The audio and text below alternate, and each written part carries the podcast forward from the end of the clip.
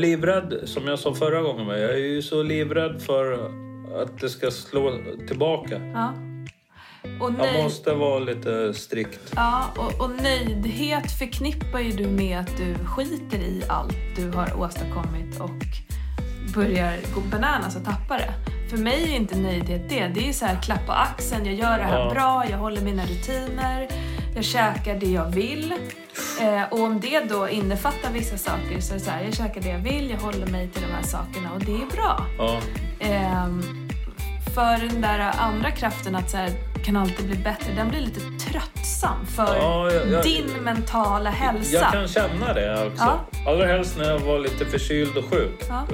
Man drar ner sig så eh, mycket. Välkommen till Lagompodden special. Det här är ett avsnitt där vi dyker ner i eh, avsnittet som spelat in tidigare i veckan. Där jag tittar på någonting specifikt i det avsnittet eh, och dyker ner lite extra i det. Att så här, hur kan man tänka kring det här? Och eh, om man tänker så här eller om man gör så här, finns det någonting man kan göra åt det för att det ska bli lite bättre? Så välkomna! Det vi tittar närmare på idag i det här första då specialavsnittet det är ett klipp från måndagens avsnitt där Pierre pratar om den här starka känslan som han har. Han är livrädd för att falla tillbaka i gamla vanor. Eh, vilket får honom att ta en del omvägar eh, för att han gör väldigt, han har extremt mycket bra vanor Eh, för tillfället. Han har haft det under ganska lång tid. Och sen så har han en stor utmaning med mat och framförallt liksom kaffebröd och godis, eh, lite alkohol och snacks. Eh, och att ha det på en bra nivå, alltså att äta det i rimlig mängd, det är det som han har absolut svårast för. Eh, och det som händer då, eh, trots de här bra vanorna och när han då, som han brukar kalla det, kalasar eh, lite extra, ska eh, göra det så blir det förknippat med väldigt mycket dåligt samvete. Eh, på grund av att han eh, eh, inser, eller han tycker ju själv att han är nära eh, att falla tillbaka i gamla vanor. Och det är ju såklart, det är ju alltid ett steg bort. Att både bibehålla de goda och att även trilla in i de gamla. Eh, men desto längre han såklart har övat på sina nya vanor, desto lättare kommer det bli att hålla dem.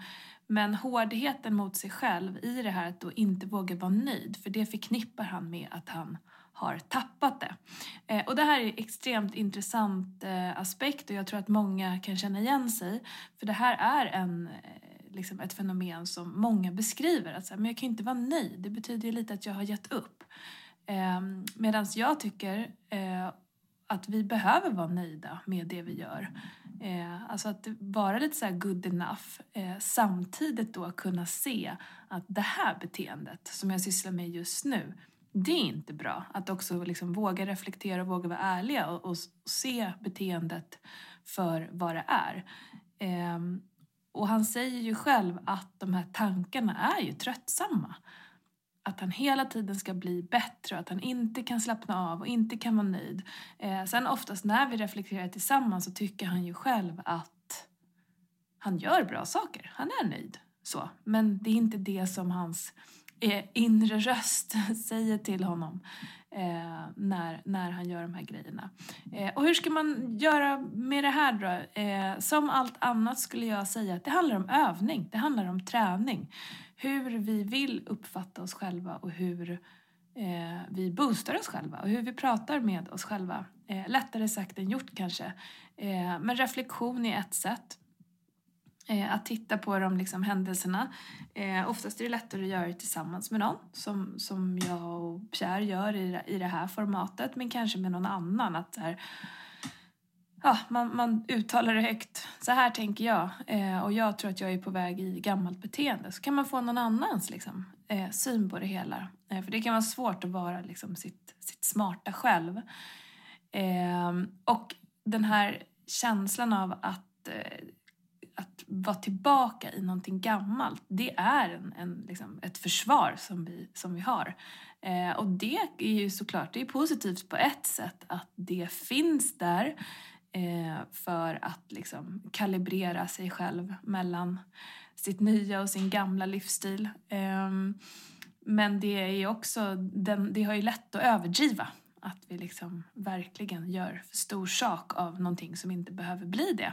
Sen så behöver man ju ta hänsyn till, som i per, Pierres fall, att han har eh, gjort den här typen av beteendeförändring tidigare eh, och hållit den en liten stund men sen fallit tillbaka in i gamla vanor. Så det är ju också ett hot som, som finns, som han har upplevt tidigare och det gör ju såklart saken ännu eh, liksom lite svårare.